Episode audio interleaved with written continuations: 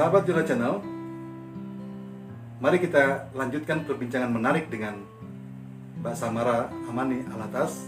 Beliau adalah seorang politisi muda milenial dan salah seorang ketua DPP Partai Solidaritas Indonesia.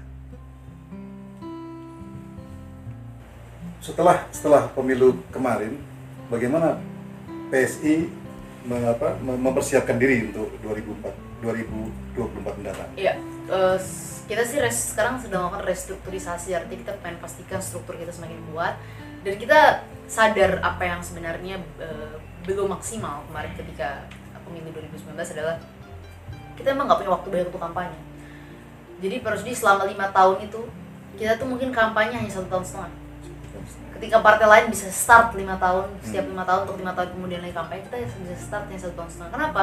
Karena kita diributkan dan kita disibukkan dengan administrasi pembentukan partai. Ya. Kita harus lolos dulu verifikasi Kemenkumham. Dan untuk lolos verifikasi Kemenkumham, kita tuh harus punya pengurus di 34 provinsi. Kemudian 75% dari 517 kabupaten kota dan 50% dari seluruh kecamatan Indonesia. Nah, bukan hanya pengurus, mungkin kalau pengurus saja orangnya saja udah saat masih lebih baik. Harus ada kantornya. Jadi harus ada kantornya di mana-mana itu. Pengurusnya juga harus ada KSB, ketua sekretaris dan bendahara.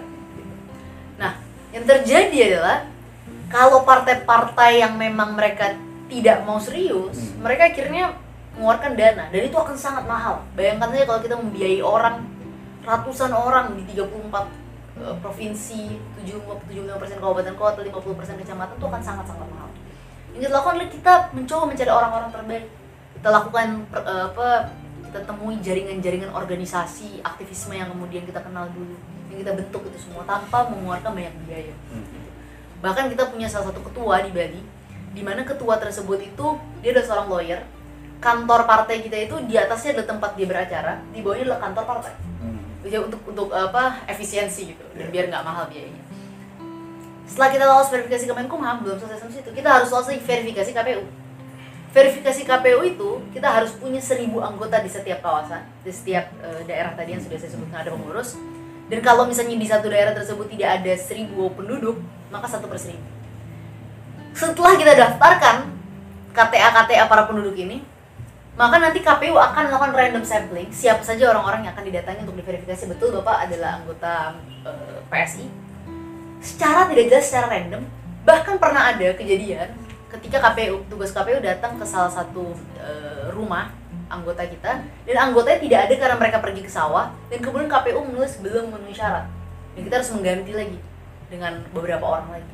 Bayangkan saja masa kita harus duduk di rumah nungguin KPU datang itu mau bilang apa sama anggota kita? Jangan pergi ke mana-mana ya Pak Bu. Tunggu sampai KPU datang. Hmm. oh berapa lama dalam periode survei tersebut? Iya. kan nggak mungkin. Jadi dan itu hanya berlaku untuk partai politik benar dan kita gugat itu ke Mahkamah Konstitusi. Bahwa itu diskriminatif. Hmm. dan yang terjadi Mahkamah akhirnya memutuskan bahwa itu diskriminatif. Dan partai politik lama juga harus diverifikasi. Ketika aturannya diubah dan partai politik lama harus diverifikasi maka berbondong-bondong mereka membuat peraturan itu sangat mudah. Oh tidak lagi random sampling katanya mereka. Datangkan saja anggota yang mau datangkan nanti kita nilai di situ jadi kemudian diubah aturannya setelah ngobrol dengan DPR jadi kita panggil aja anggota-anggota kita kita datengin dan KPU bilang oh ya memenuhi syarat memenuhi syarat memenuhi syarat. Hmm. jadi diubah aturannya di awal dibuat susah yang kedua dibuat dengan sangat mudah.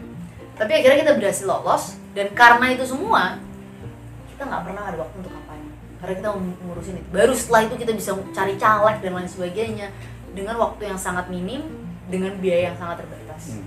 Nah sekarang yang kita lakukan adalah kita bisa memulai membangun eh, kegiatan-kegiatan sosial atau kegiatan-kegiatan yang sangat bermanfaat utamanya bagi warga di grassroots. Gitu. Jadi kita punya baru-baru ini program food bank namanya, di mana kita eh, ambil food waste dari hotel-hotel atau restoran kita kumpulkan Hmm. dan kita bagikan kepada masyarakat yang tidak mampu. Ini adalah kegiatan-kegiatan yang menurut saya penting dilakukan oleh partai agar partai itu tidak hadir hanya ketika pemilu dan kampanye, tapi partai hadir setiap saat dalam lima tahun.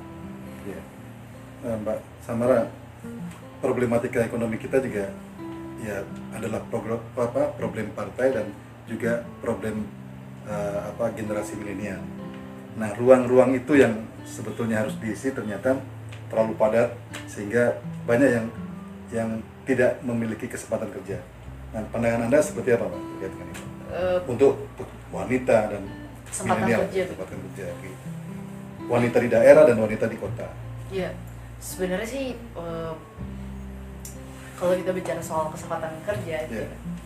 em, bukan hanya persoalan perempuan, tapi memang persoalan masyarakat secara keseluruhan. Karena sekarang kalau kita lihat dari tingkat pengangguran, tingkat pengangguran terbanyak itu memang justru di kalangan lulusan eh, SMK dan lebih parah lagi lulusan sarjana.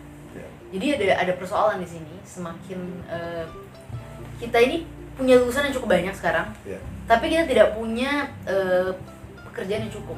Jadi persoalan menurut saya justru kita harus lihat lebih jauh dari sih, lebih jauh lagi. Ya kita harus buat sebanyak-banyaknya, eh, kita harus dorong banyak-banyaknya eh, perusahaan untuk berkembang di Indonesia.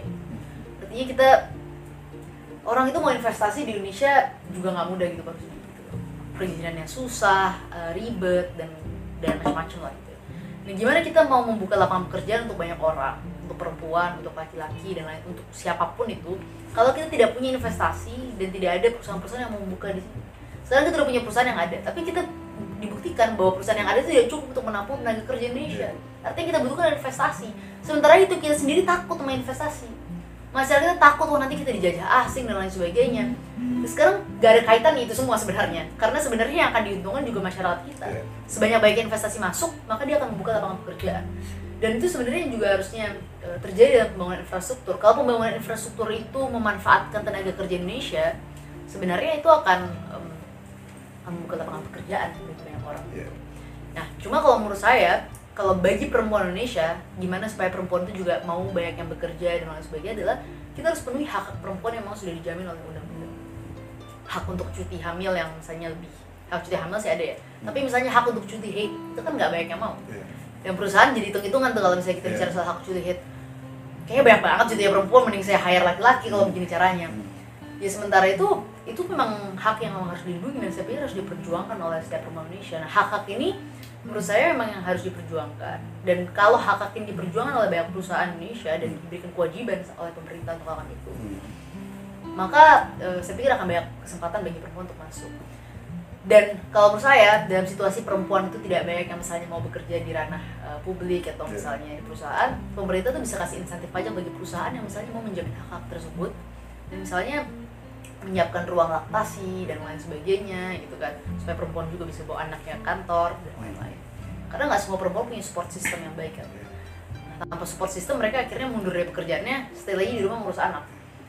Kasih aja insentif pajak bagi perusahaan-perusahaan itu. Saya pikir mereka akan sangat terbuka. Jadi ya kita cara pikirnya itu justru jangan eh, semuanya itu juga jangan dengan eh, apa ya eh, pemerintah. Jadi bukan pemerintah semua tapi justru pemerintah ini harus mendorong eh, private sector Ya. nah tugas pemerintah ya harusnya memberikan insentif jadi nggak semuanya harus hukuman tapi insentif Ya.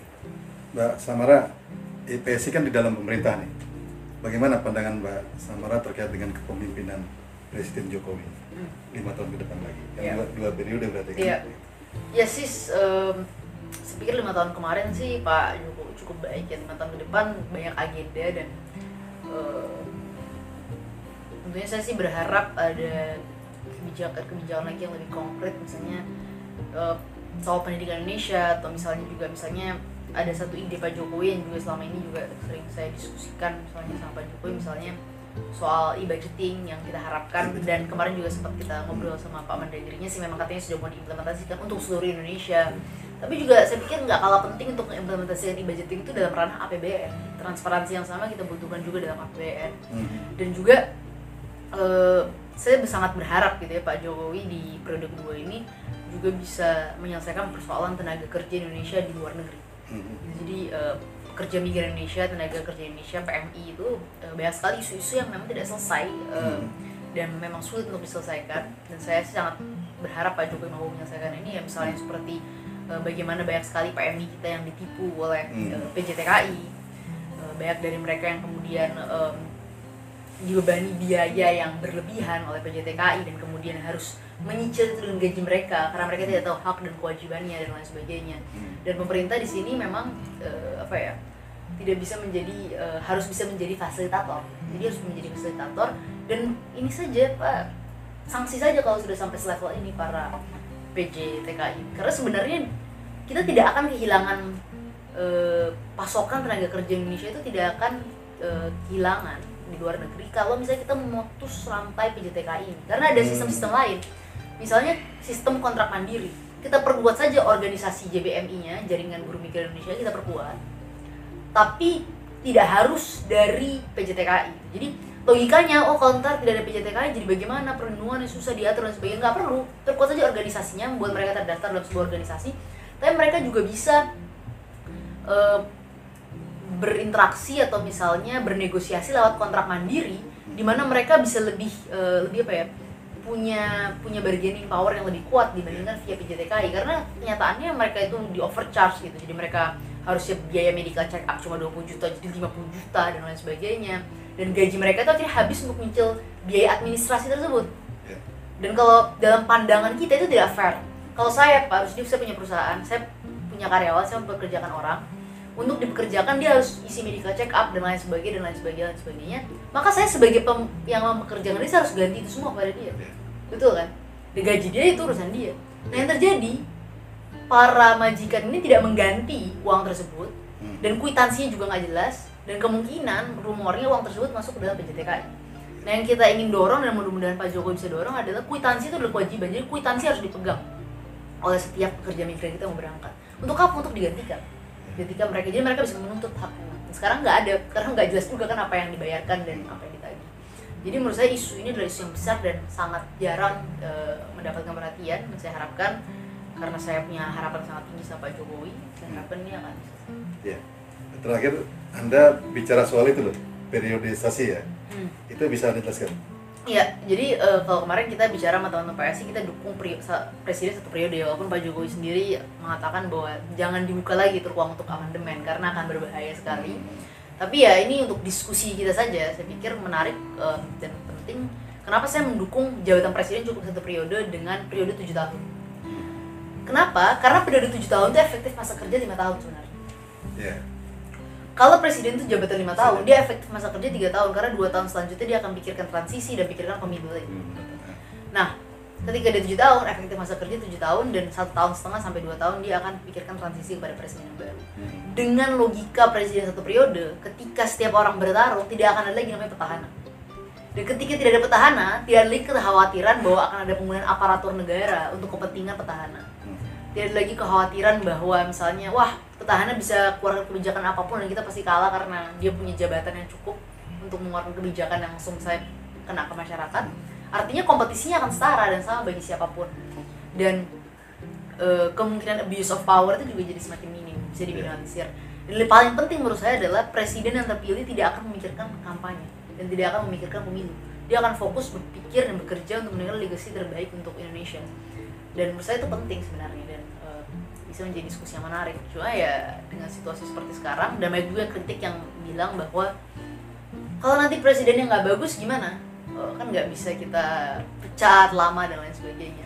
Tapi menurut saya sih eh, nggak ada masalah Ya. karena eh, ada mekanisme kalau misalnya presidennya melanggar hukum ada mekanisme impeachment oleh Ya. DPR RI gitu. Selama enggak ya kita kasih kesempatan dan kita bisa ganti dengan lebih baik kok dalam tujuh tahun. Nggak ada perbedaan yang sangat signifikan Kita siap atau belum siap? saya pikir kita nggak eh, memang menyeramkan sih saya sih agak setuju juga sama Pak Jokowi sebenarnya karena begitu ruang untuk mengamandemen in- jabatan presiden ini dibuka maka yang akan masuk itu saya pikir yang soal satu tahun itu soal, soal satu periode tujuh tahun itu sedikit sekali itu suaranya Hmm. yang akan besar adalah mungkin nanti kemungkinan orang mendorong eh, tiga periode atau misalnya empat periode kita nggak pernah tahu kan kan Hmm. ada yang mengusulkan seperti itu juga.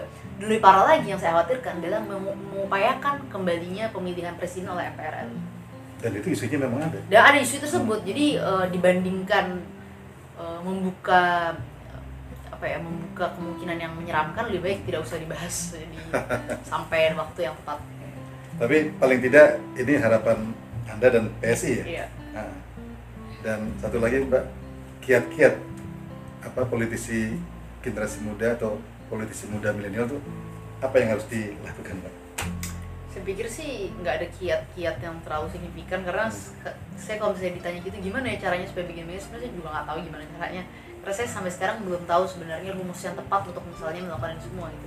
Kalau ditanya gimana kemarin rumus kampanye kok bisa saya nggak tahu rumusnya. Hmm. karena menurut saya politik itu misteri pak Serius. jadi politik itu sangat misterius kita tidak bi- kadang kita sudah merasa kita lakukan semua dengan sangat tepat tapi tidak juga mendapatkan hasil yang kita inginkan Ya. jadi menurut saya ya kiat-kiatnya ya kita akan coba coba terus coba terus sampai kita ketemu rumus yang paling tepat untuk mendapatkan hasil yang kita mau Ya.